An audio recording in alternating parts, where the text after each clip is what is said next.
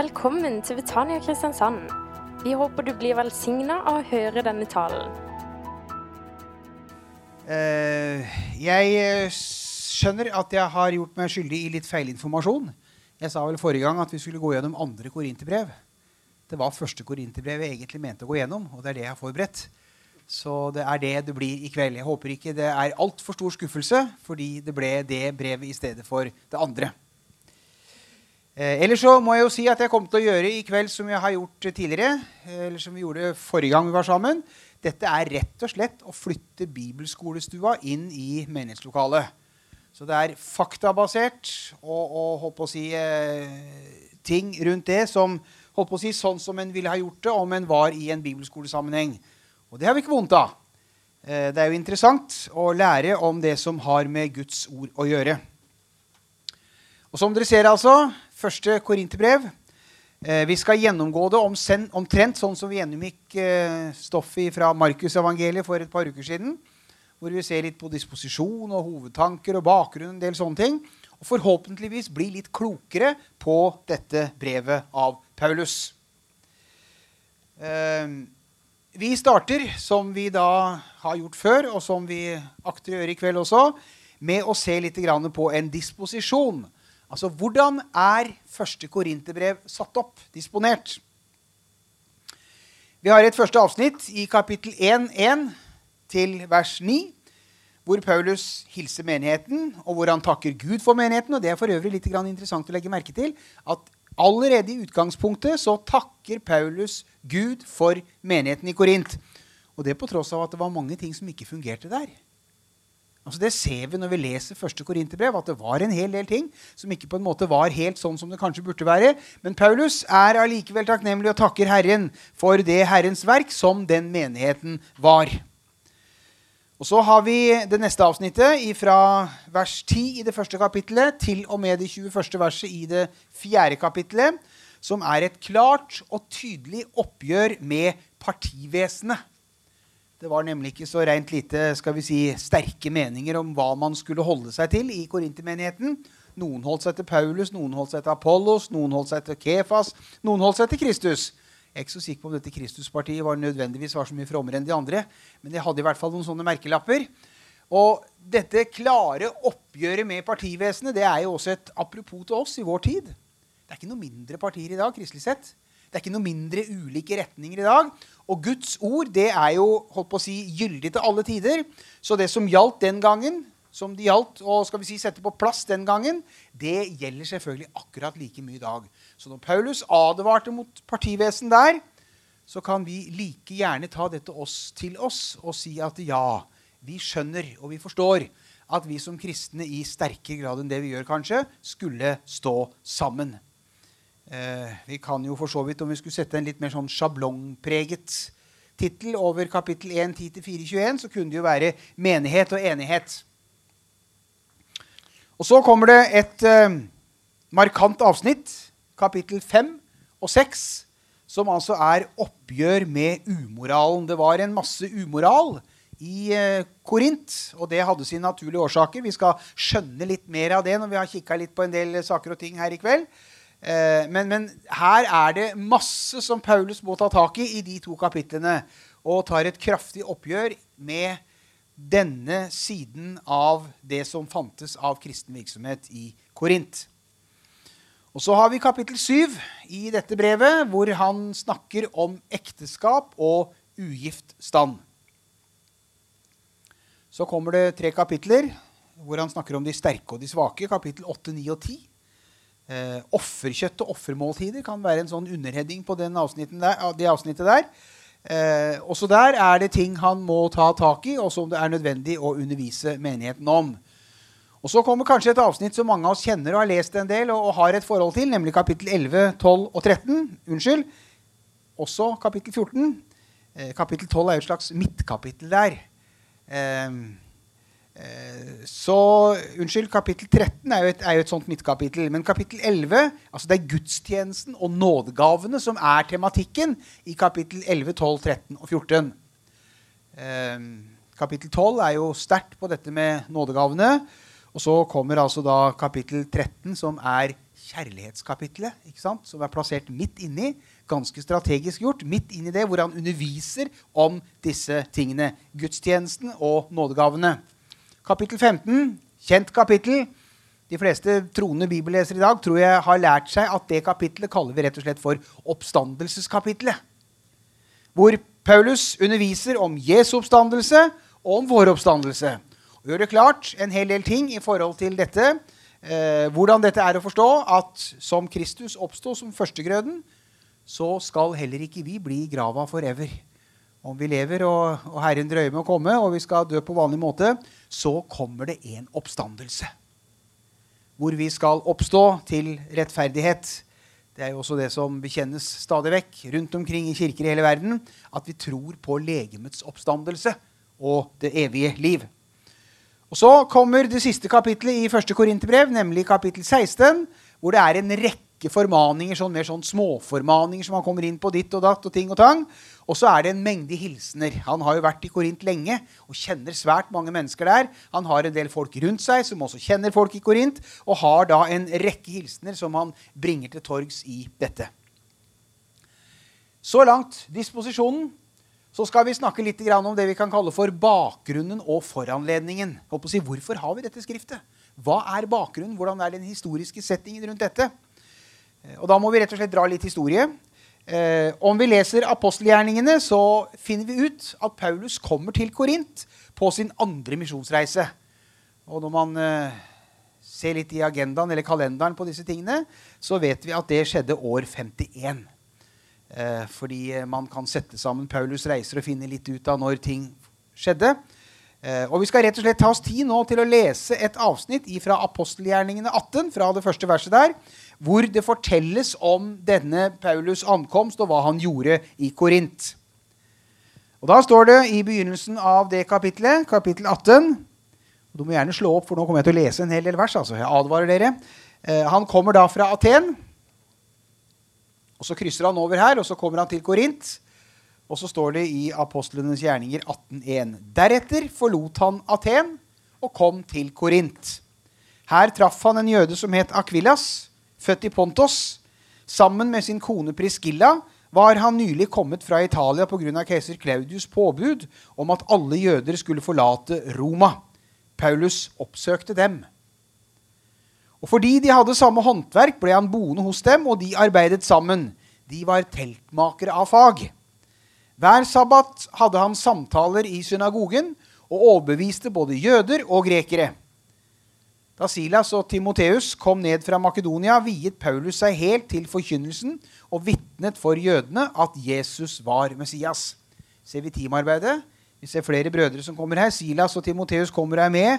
Og så kan man da fordele skal vi si, arbeidsoppgavene. Og Paulus vier seg nå helt til det som var hovedoppgaven hans, nemlig å vitne om at Jesus er den lovede Messias, at Jesus er Kristus. Men de sa imot og hånte ham. Da ristet han støvet av klærne sine og sa til dem.: Blodet deres skal komme over dere, og det skal komme over deres eget hode. Jeg har ingen skyld. Fra nå av går jeg til hedningefolkene. Dermed gikk han sin vei og tok inn i huset hos en mann ved navn Titius Justus, som dyrket Gud. Huset hans lå rett ved siden av synagogen. Synagogeforstanderen Krispus kom til tro på Herren sammen med hel, alle i sitt hus. Og mange andre i Korint som hørte ham, kom til tro og ble døpt. Dette er pionermisjon hvor Paulus starter her i synagogen og vinner én og én, og flere kommer. Og så leser vi fra det 9. verset i det 18. kapittelet. En natt sa Herren til Paulus i et syn, vær ikke redd. Du skal ikke tie, men tale. Jeg er med deg, og ingen skal røre deg eller gjøre deg noe vondt. For i denne byen har jeg et tallrikt folk. Så ble han der halvannet år og lærte dem Guds ord. Mens Gallio var guvernør i Akaya, slo jødene seg sammen mot Paulus og trakk ham for retten. De sa, 'Denne mannen overtaler folk til å dyrke Gud på en måte som er i strid med loven.' Paulus fikk ikke åpnet munnen før Gallio sa til jødene, 'Hadde det dreid seg om en forbrytelse eller en kjeltringstrek, ville jeg nok tatt opp saken, jøder.' Men er det strid om ord og navn i deres egen lov, da får dere ordne opp selv. Jeg vil ikke dømme i slike saker. Så jaget han dem bort fra retten. Alle grep da fatt i synagogeforstanderen Sostenes og hjulte han opp like foran dommersetet. Men Gallio brydde seg ikke det minste om det. Altså Her er det både opptøyer og litt av hvert. Det var tøft å forkynne evangeliet. Eh, det var jo en, eh, si, en, en, en sammenheng på, som på mange måter kan ligne om, minne om vår sammenheng. Eh, med ulike tankeganger, ulike filosofiske retninger og en mengde ting som, som ikke var så bra. Uansett her registrerer vi altså da denne pionervirksomheten som Paulus gjør i Korint. Og det er klart at denne er en veldig viktig del av bakgrunnen for første korinterbrev. Hadde ikke Paulus vært der og jobbet det halvannet år og grunnlagt den menigheten, så hadde det ikke vært en vits for Paulus å skrive til den senere. Så dette er en veldig viktig del av bakgrunnen. Og så må vi si litt om byen Korint. Den vet vi nemlig en del om. Jeg håper å si Vi ser den på kartet her. Eh, den ligger altså her, ikke så langt ifra Aten. Og dette, hele dette området her det var en del av et eh, romersk administrasjonsområde som het Akaya. Og Korint var på en måte hovedstaden i denne provinsen. Og det var her landshøvdingen bodde. Vi vet at uh, De romerske styresmaktene de hadde landshøvdinger rundt omkring. Jeg vet ikke om dere har lest om andre landshøvdinger i Det nye testamentet. Vi har hørt om Pontus Pilatus f.eks og en del andre, det var altså da administrasjonsfolk som var satt til å styre på vegne av administrasjonssentrum i Roma rundt omkring i hele det romerske riket. Det var jo svært. Det var jo veldig stort. Og det var behov for å ha litt orden i sysakene. Og det fantes faktisk to typer landshøvdinger. Den ene ble kalt prokonsul, og den andre ble kalt prokurator. Eh, og den ene av de var utnevnt direkte av keiseren. Og det var eh, da de som styrte de vanskelige områdene, som f.eks. Israel den gangen. Det var beregna som et vanskelig område. Det var et grenseområde, og det var eh, mye der som kunne gå gærent, for å si det sånn. Eh, slik at der var det den type landshøvding som altså var utnevnt direkte av keiseren, og hadde militære styrker til rådighet. Den typen landshøvding som var her i Korint, han var ikke av den skarpeste sorten. sånn sett. Hadde ikke militære styrker til rådighet sånn. Eh, og styrte da provinser som ikke var så skal vi si, vanskelig å styre. Eh, ja. Eh, så, så, sånn var det. Eh, og disse skulle da på en måte representere Rom på det lokale stedet når det gjelder Pilatus, som jo styrte i eh, Jerusalem en periode. Så vet vi at han ble avsatt etter hvert pga. Konfrontasjoner med jødene og ble faktisk forvist til Asterix-land, altså til Gallia. Eh, eller Frankrike, vel, da, per i dag. Eh, senere i sin karriere. Mens her er det altså da I Akaya så bor altså da den romerske administrasjonsmakten i personlig tjeneste eller personlig utførelse i form av denne landshøvdingen. Og denne byen Korint hadde en veldig sentral beliggenhet. Rom var jo kjent for sine gode veier på den tida. Jeg skal si Det var meget eh, skal vi si, strategisk riktig av Herren å sende Jesus på den tida da han sendte Jesus. Eh, det skjønner vi når vi leser historien. liksom. Det, si, hadde han kommet en del århundrer tidligere eller litt seinere, så hadde det vært vanskeligere. Men akkurat under Romerrikets høyde, høyde, da Romerriket var på høyden, da var det veldig god kommunikasjon mellom de ulike områdene. Det var ett språk som kan, man snakket over hele det romerske riket, nemlig gresk. En spesiell gresk dialekt som ble kalt for koiné, som alle kunne, som engelsk i dag. Dermed kunne man enkelt lære seg det språket, og kunne man det, så kunne man i grunn forkynne evangeliet hvor som helst i Romerriket. Man hadde også en oversettelse av Det gamle testamentet på den tiden. Nemlig den såkalte Septuaginta-oversettelsen, som ble til 100 eh, eller 200 år før. Eh, i Alexandria. Dermed hadde man også skriften på det språket som de fleste skjønte. Slik at man kunne ta utgangspunkt der når man var ute og forkynte evangeliet. Det er klart at det var en, en veldig forse for de som var ute og skulle spre det gode budskapet. Eh, og så vet vi videre at eh, romerne var dyktige til å bygge veier. Så man hadde gode veier. Det var enkelt å komme seg fra det ene stedet til det andre. Man hadde også god orden på skipsfarten. Så både til lands og til vanns så kunne man altså da komme seg relativt kjapt Selvfølgelig ikke sett med våre øyne per i dag, men ut fra den tiden så var det altså et veldig tidens fylde for å komme dette budskapet. Evangeliet spredde seg forbløffende raskt. Og det var forbløffende fort at svært store menneskemengder ble lydige mot evangeliet. Og i denne spydspissituasjonen her så var jo Paulus en av de fremste. Og holdt på å spre budskapet rundt omkring. Og ikke bare spredde han budskapet, men han var jo flink til å skrive også. Han skrev en masse brever, bl.a. første korinterbrev, som vi altså snakker om i kveld. Så det var noe av skal vi si, en genistrek Herren visste hva han gjorde. Å sende evangeliet inn i verden nettopp på den tiden. Og Det betød, betød, at det tok ikke lang tid før eh, det fantes kristne menigheter rundt omkring i hele det veldig romerske riket. Eh, og tenke seg til at dette var starten på noe. Disse tolv apostlene som satt litt forskremte bak stengte dører jeg håper å si en del tiår tidligere, da, Jesus, eh, da rettssaken mot Jesus gikk og sånn og, og, se hvordan det ble forvandlet ganske fort. Man skal jo ikke lenger fram enn til 300-tallet. Så var troen på Kristus så dominerende i det romerske riket at den romerske keiseren, keiser Konstantin, han bestemte at limet som skal holde mitt rike sammen, det er troen på Kristus. Og Da ble jo på mange måter evangeliet en slags statsreligion om vi skal kalle det det, i Romerriket. Så det var, eh, det var kraftige ting som skjedde på kort tid, fordi at betingelsene lå så veldig greit til rette for det på den tiden. Og Det er altså i denne settingen at Paulus virker, kommer til Korint og virker her i denne byen, som hadde denne sentrale beliggenheten, og som da igjen gjorde at man kommuniserte, og folk tok med seg budskapet andre steder. Dette ser vi aldri på pinsedag. ikke sant?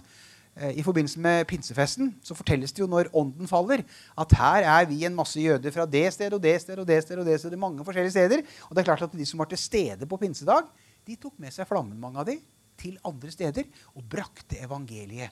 Slik at det også var med. Ikke bare de tolv og Paulus var med og spredde dette, men også mange andre som var med her. Ehm, så var det noe som preget Korint, og det var det som vi kaller for synkretisme. Altså, Korint hadde denne sentrale beliggenheten, et møtested mellom øst og vest.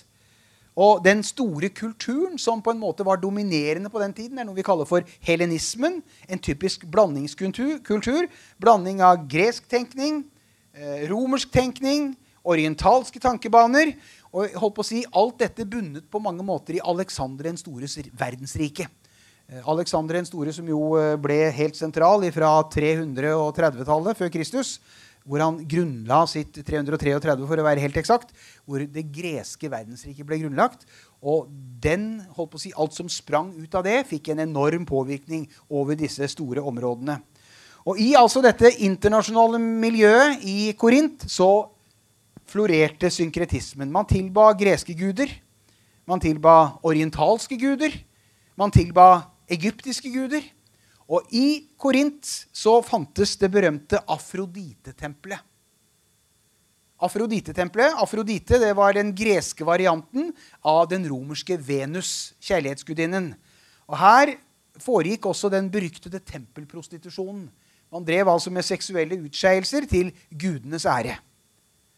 Eh, og det var jo pga. akkurat disse tingene her at Korint var viden berømt for sine meget dårlige moralske tilstand. Man hadde faktisk et ordtak på den tiden. Man snakket om å oppføre seg som en korintier. Du oppfører deg som en korintier. Det betyr at man var svært umoralsk. Og Det sier litt om denne byen som Paulus også kommer til, og grunnlegger en menighet. Og Ikke bare var kultur og alt dette blandet, og god kommunikasjon, men det førte selvfølgelig også med seg en meget blandet befolkning. Kom fra, folk kom fra alle mulige sammenhenger og bodde der. Det var en rekke grekere, det var en solid romersk koloni i byen. Det var ulike orientalske folkeslag. Og så var det selvfølgelig jøder.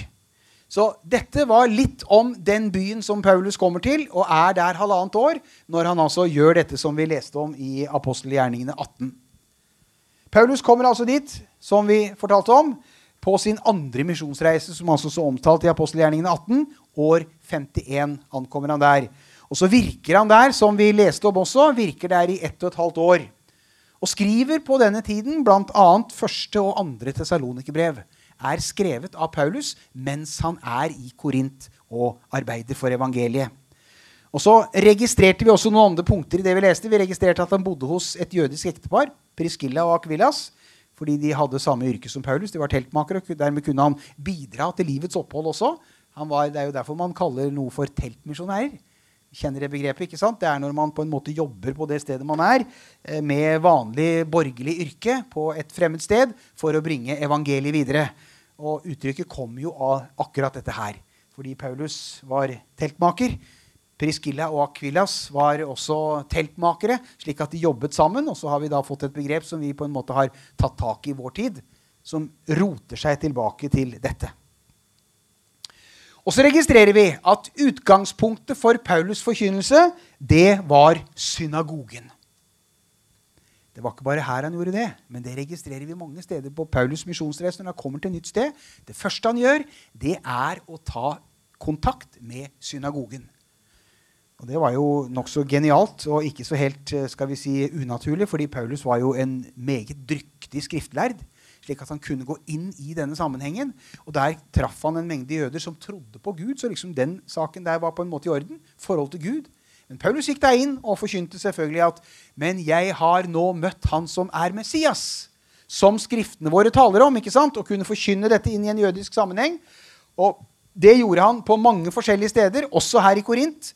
Og dermed fikk han ofte med seg en del folk relativt kjapt som da hørte dette, og som opplevde at dette harmonerte med ting man, med ting man hadde lært osv. Og, og, og så ble da det utgangspunktet for virksomheten. Når han kom til nye steder, så ser vi dette igjen og igjen. Men pga. jødenes motstand det tok jo som regel aldri så veldig lang tid før de vendte seg mot ham og sa at her er det ting som ikke stemmer. Dette ville vi ikke ha noe av. Og så gikk det ikke så veldig bra. Vi leste om det i Apostlenes gjerninger 18 også. I det sjette, sjette, verset der i kapittel 18 så leste vi. Vi tar det om igjen. Men de sa imot og hånte ham. Da ristet han støvet av klærne sine og sa til dem.: Blod deres skal komme over deres eget hode. Jeg har ingen skyld. Fra nå av går jeg til hedningefolkene. Og så ser det ut at han flytter fra Priskilla og Akvilla så flytter inn hos en annen som bodde like ved siden av eh, synagogen, og fortsatte å jobbe derfra. Jeg tror ikke han kom på kamp med Priskilla Akvilas, nødvendigvis, men det var en slags markering av at uh, jeg går nå til hedningene. Dere vil ikke ta imot evangeliet. Jeg går nå til hedningene. Men dette plaget Paulus. Det vet vi. Om vi leser i Rombrevet kapittel 9, 10 og 11, så er det jo spesielt forholdet til det jødiske folk som han snakker om. Har da Gud forkastet sitt folk, sier han. Slett ikke, er jo det umiddelbare svaret. Eh, så det er det ingen tvil om. Men altså, dette var vanskelig for Paulus, for han kommer til stadig nye steder. Forkynner det med brask og bram. ikke sant? Han har sett Kristus, han har hatt Damaskus-opplevelsen, og mektige tegn og under fulgte med under gjerningene som han gjorde rundt omkring. Eh, men han opplever at hans eget folk, jødene, de hadde ikke så lett for å ta imot. Så det er jo en del sak, en, en, en undertone her. På bakgrunn av disse tingene så blir da en meget livskraftig menighet dannet. Og ut ifra det vi leser når Paulus skriver både i eh, Korinterbrevene og også det vi har i apostelgjerningene, så forstår vi at dette nok stort sett var en hedningemenighet. Det var ikke veldig mange jøder som var her. Han sa nå går jeg til hedningene. Og menigheten ble for en stor del bestående av hedninger. I 1. Korinterbrev 12,2 så står det følgende.: Dere vet at da dere var hedninger, ble dere viljeløst revet med til de stumme avgudene. Hedninger, helt opplagt. Og det ser også ut til en ting til når vi studerer 1. Korinterbrev. Det ser ut til at sosialt sett så har antagelig denne menigheten bestått av folk som ikke var så veldig vel bemidlet. I kapittel 1, vers 28 i 1. Korinterbrev så leser vi følgende.: Ja, det som i verdens øyne står lavt, det som blir foraktet, det som ikke er noe, det utvalgte Gud seg for å gjøre til intet det som er noe, for at ingen mennesker skal ha noe å være stolt av overfor Gud. Så her har vi en hel del av bakgrunnen for at dette brevet skrives. Vi har en hel del mer å si om dette. Jeg synes Denne type bibelstudium er veldig spennende og se på en måte få satt på plass en del ting rundt det som står i Skriften. Da har vi på en, mer, på en måte flere knagger å henge tingene på. Det var en rekke problemer i korintermenigheten etter hvert. Og det kretset seg stort sett om tre ting. For det første så kretset det seg om partivesenet. Det har vi nevnt. Altså vi, vi så i forbindelse med disposisjonen at han uh, hadde et avsnitt hvor han snakket imot det front mot alt partivesen i kapittel 1 vers 12 så leser vi følgende.: Jeg sikter til dette at noen av dere sier, jeg holder meg til Paulus, mens andre sier, til Apollos, til Kefas eller til Kristus. Er da Kristus blitt delt? Var det kanskje Paulus som ble korsfestet for dere? Eller ble dere døpt til Paulus' navn? Det var selvfølgelig ikke tilfellet noe av dette. Så det er opplagt at partivesenet var noe som man måtte gå imot. Og så var det det andre som allerede er kommet opp her, nemlig de etiske problemene i menigheten. Og Det er grunnen til at vi har denne solide dosen i kapittel 5 og 6, hvor han snakker imot umoralen. Holdt på å si, Skal vi sette en sånn sjablongpreget tittel over kapittel 5 til 6, så må det være sex i sammenheng. Og Paulus omtaler også i forbindelse med de etiske problemene omtaler rettssaker for hedenske domstoler som menighetens folk hadde mot hverandre. Det, altså Striden var så tøff at man måtte liksom bruke jussen her. Og det var også en del spørsmål rundt dette med offerkjøtt. Kan vi spise det, kan vi ikke spise det? Eh, så det var altså en del av de etiske problemene som rei menigheten i Korint. Det tredje som vi nevner som problemer, det er at det var en del teologiske problemstillinger. altså rett og slett fortolkningsmessige problemstillinger. Hvordan skal vi forstå dette? Hvordan skal dette og hint være? Og En av de tingene som det opplagt var en del problemer med, det var bruken av nådegavene. Eh, Korintermenigheten var jo en fantastisk karismatisk menighet. Eh, der var det både tunger, og det var tydning, og det var profesi, og det var kraftige gjerninger, og det var holdt på å si mye mer av det samme. Eh, og det var jo ikke noe gærent med det. Paulus var i høyeste grad karismatiker selv. Ingen tvil om. Men de trengte noe veiledning på dette. I det hele tatt så ser vi det veldig tydelig i det 14. kapittelet i 1. Korinterbrev, hvor han sier ja, ja, be, søk etter nådegavene, streb. Gjør hva dere kan. Be til Herren om å bli rikt utrustet. Alt dette er vi veldig for. Men skal brukes under fornuftige forhold. Altså på en saklig og ordentlig måte. Så det var en del eh, teologiske problemer. Partivesen, etiske problemer, teologiske problemer. Og da den mer skal vi si, direkte foranledningen til at han setter seg ned og skriver dette brevet, eh, det er disse tingene bl.a. Generelt om Paulus brever så kan vi si at Paulus var ikke en fyr som satte seg ned og tenkte at nå skal jeg skrive en større avhandling om nådegaven, og så skriver vi sånn og sånn, og så lager vi den svære avhandlingen der. Nei. Paulus brever var alltid leilighetsskrifter som sprang ut av en konkret situasjon. Det var et spesielt behov hos en flokk eller en menighet. og Så får han informasjon om dette, og så setter han seg ned og så skriver han brev. Og Så tar han da alltid utgangspunkt i disse konkrete menighetssituasjonene rundt omkring. Eh, det er også tilfellet her, hvor han nå har fått en rekke både skriftlig og muntlig informasjon om menighetens problemer. Og Det er tydelig at det har vært eh, mye kontakt mellom Paulus og denne menigheten. Eh, når det gjelder det skriftlige her, så vet vi at allerede før første korinterbrev så har Paulus skrevet et brev til menigheten i Korint. Det har vi tydelig spor av i første korinterbrev. Vet du hva? Eh, totalt sett så har vi fire korinterbrev. Vi har ett før første korinterbrev, så har vi vårt første korinterbrev. Og så har vi ett mellom første og andre korinterbrev. Og så har vi det som vi kaller for det andre korinterbrevet. Disse fire korinterbrevene vet vi finnes, men dessverre så er det første som vi nevner her, det er gått tapt. Og det mellom de to korinterbrevene som vi har i vår bibel, har også gått tapt. Så vi vet ikke akkurat hva det handler om. Men Paulus henviser til disse brevene i de korinterbrevene som vi har i vår bibel. Eh, I kapittel 5, vers 9 i første Korinterbrev, så skriver Paulus følgende.: Jeg skrev i brevet til dere at dere ikke skal ha noe å gjøre med folk som lever i hor.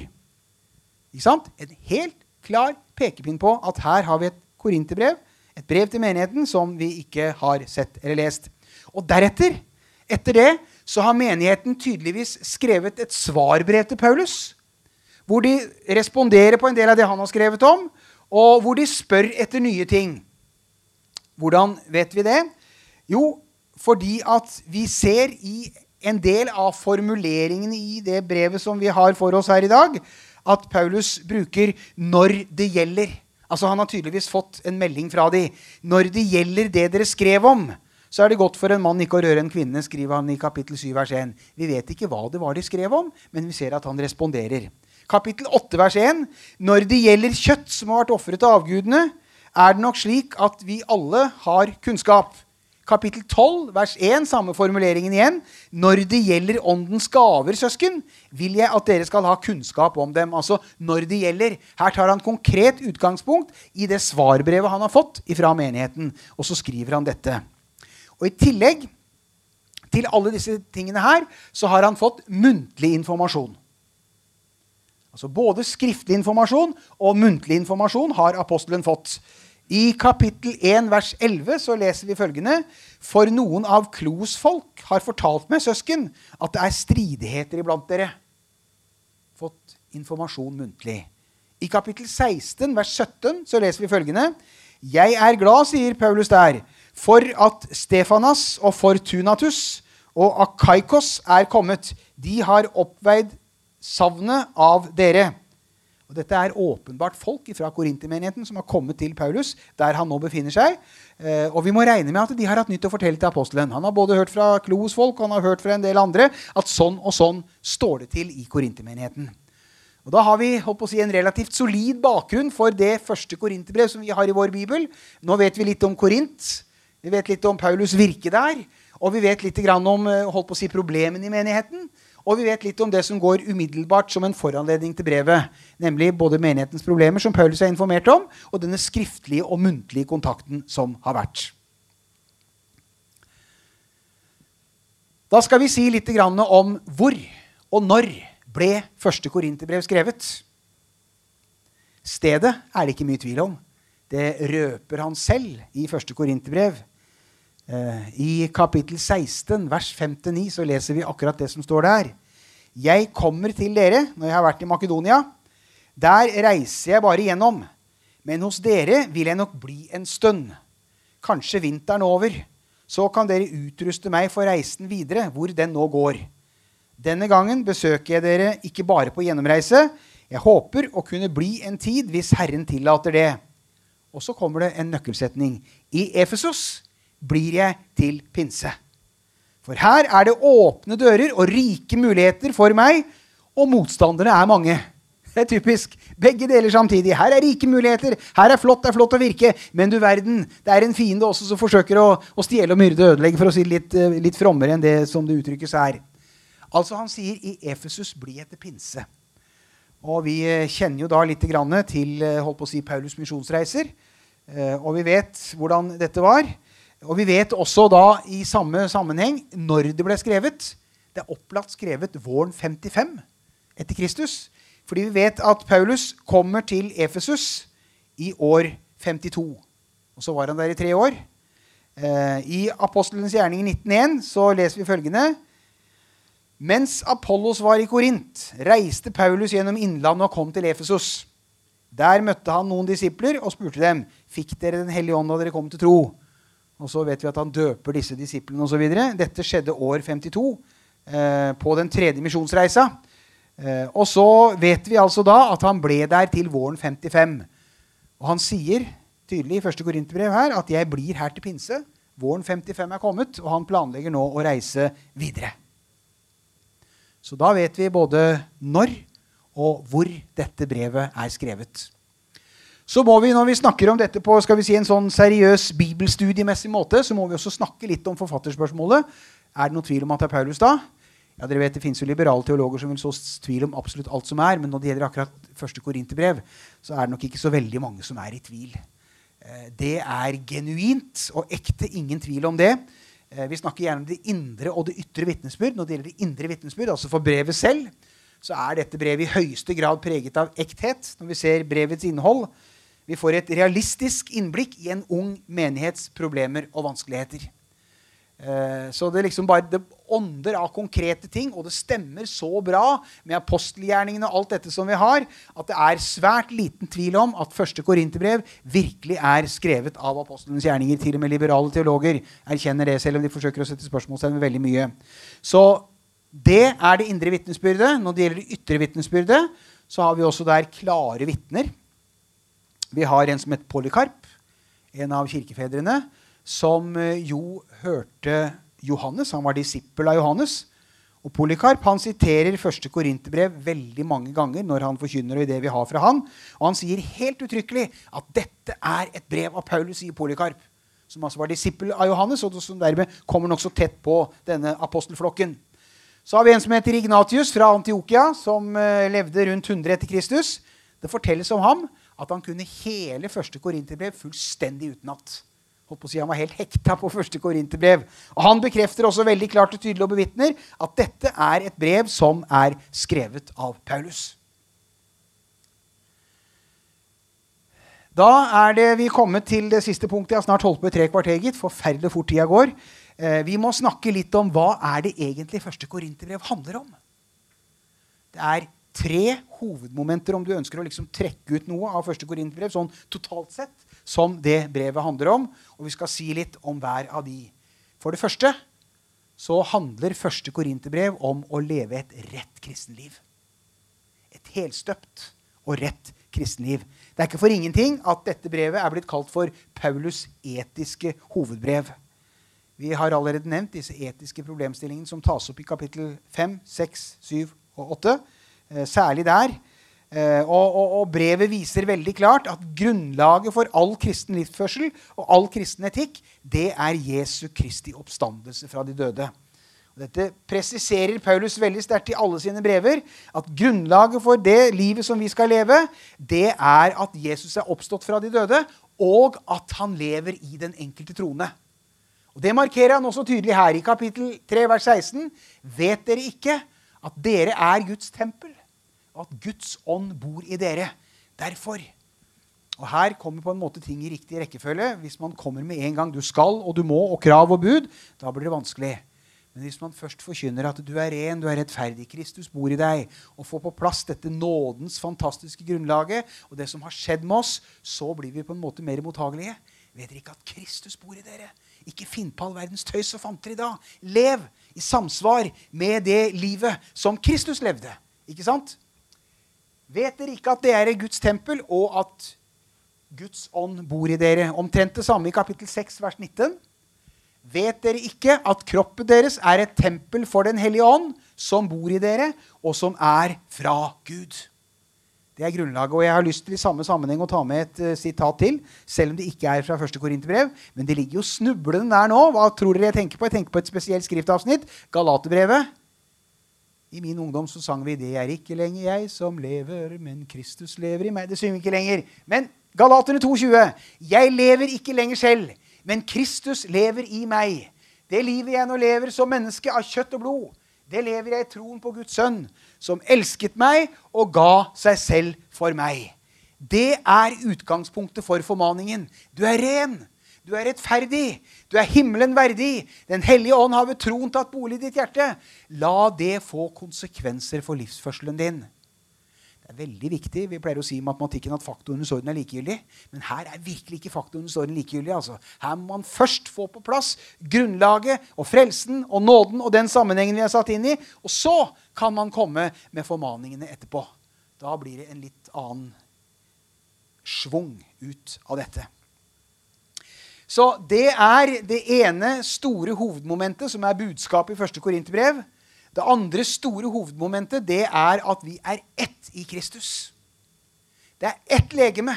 Vi er mange forskjellige lemmer, vi har mange forskjellige oppgaver, men vi er allikevel en del av den samme organismen, nemlig Jesu Kristi legeme her på jord. Og vi er ett i denne sammenhengen fordi vi er satt her med en oppgave, nemlig å vinne mennesker for himmelen. Guds store frelsesplan som gjelder alle generasjoner til alle tider, hvor det skal tas ut et folk som skal være med å befolke det nye universet en gang. Og da er altså enheten forskrekkelig viktig. Jeg har hørt noe om at det finnes et sted mellom 30 og 40 000 forskjellige kirkesamfunn i verden.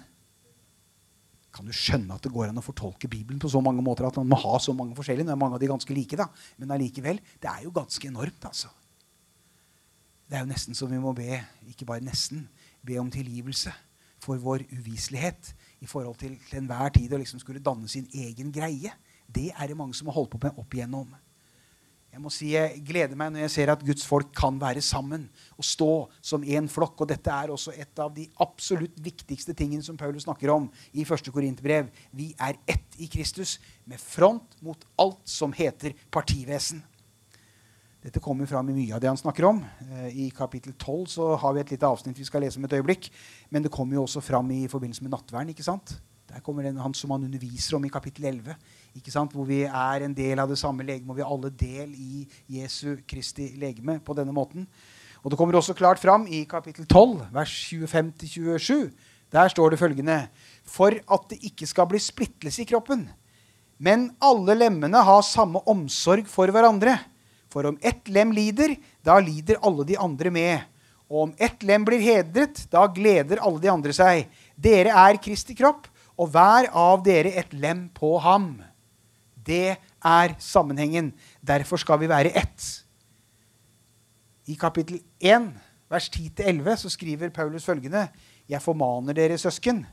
Eller i hvert fall vers 10. Ja. Eh, ved vår Herre Jesu Kristi navn at dere må være enige. La det ikke være splittelse iblant dere, men stå sammen i syn og tanke.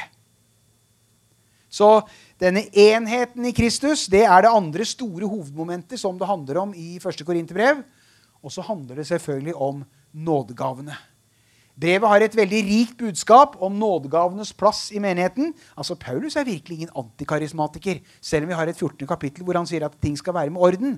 Men han bejar dette. Han oppfordrer de søk å få nådegavene i rikt mål. Ikke sant? Han er veldig klar på det. Men det skal praktiseres med orden. Det er én ånd, men det er mange nådegaver til utrustning av menigheten.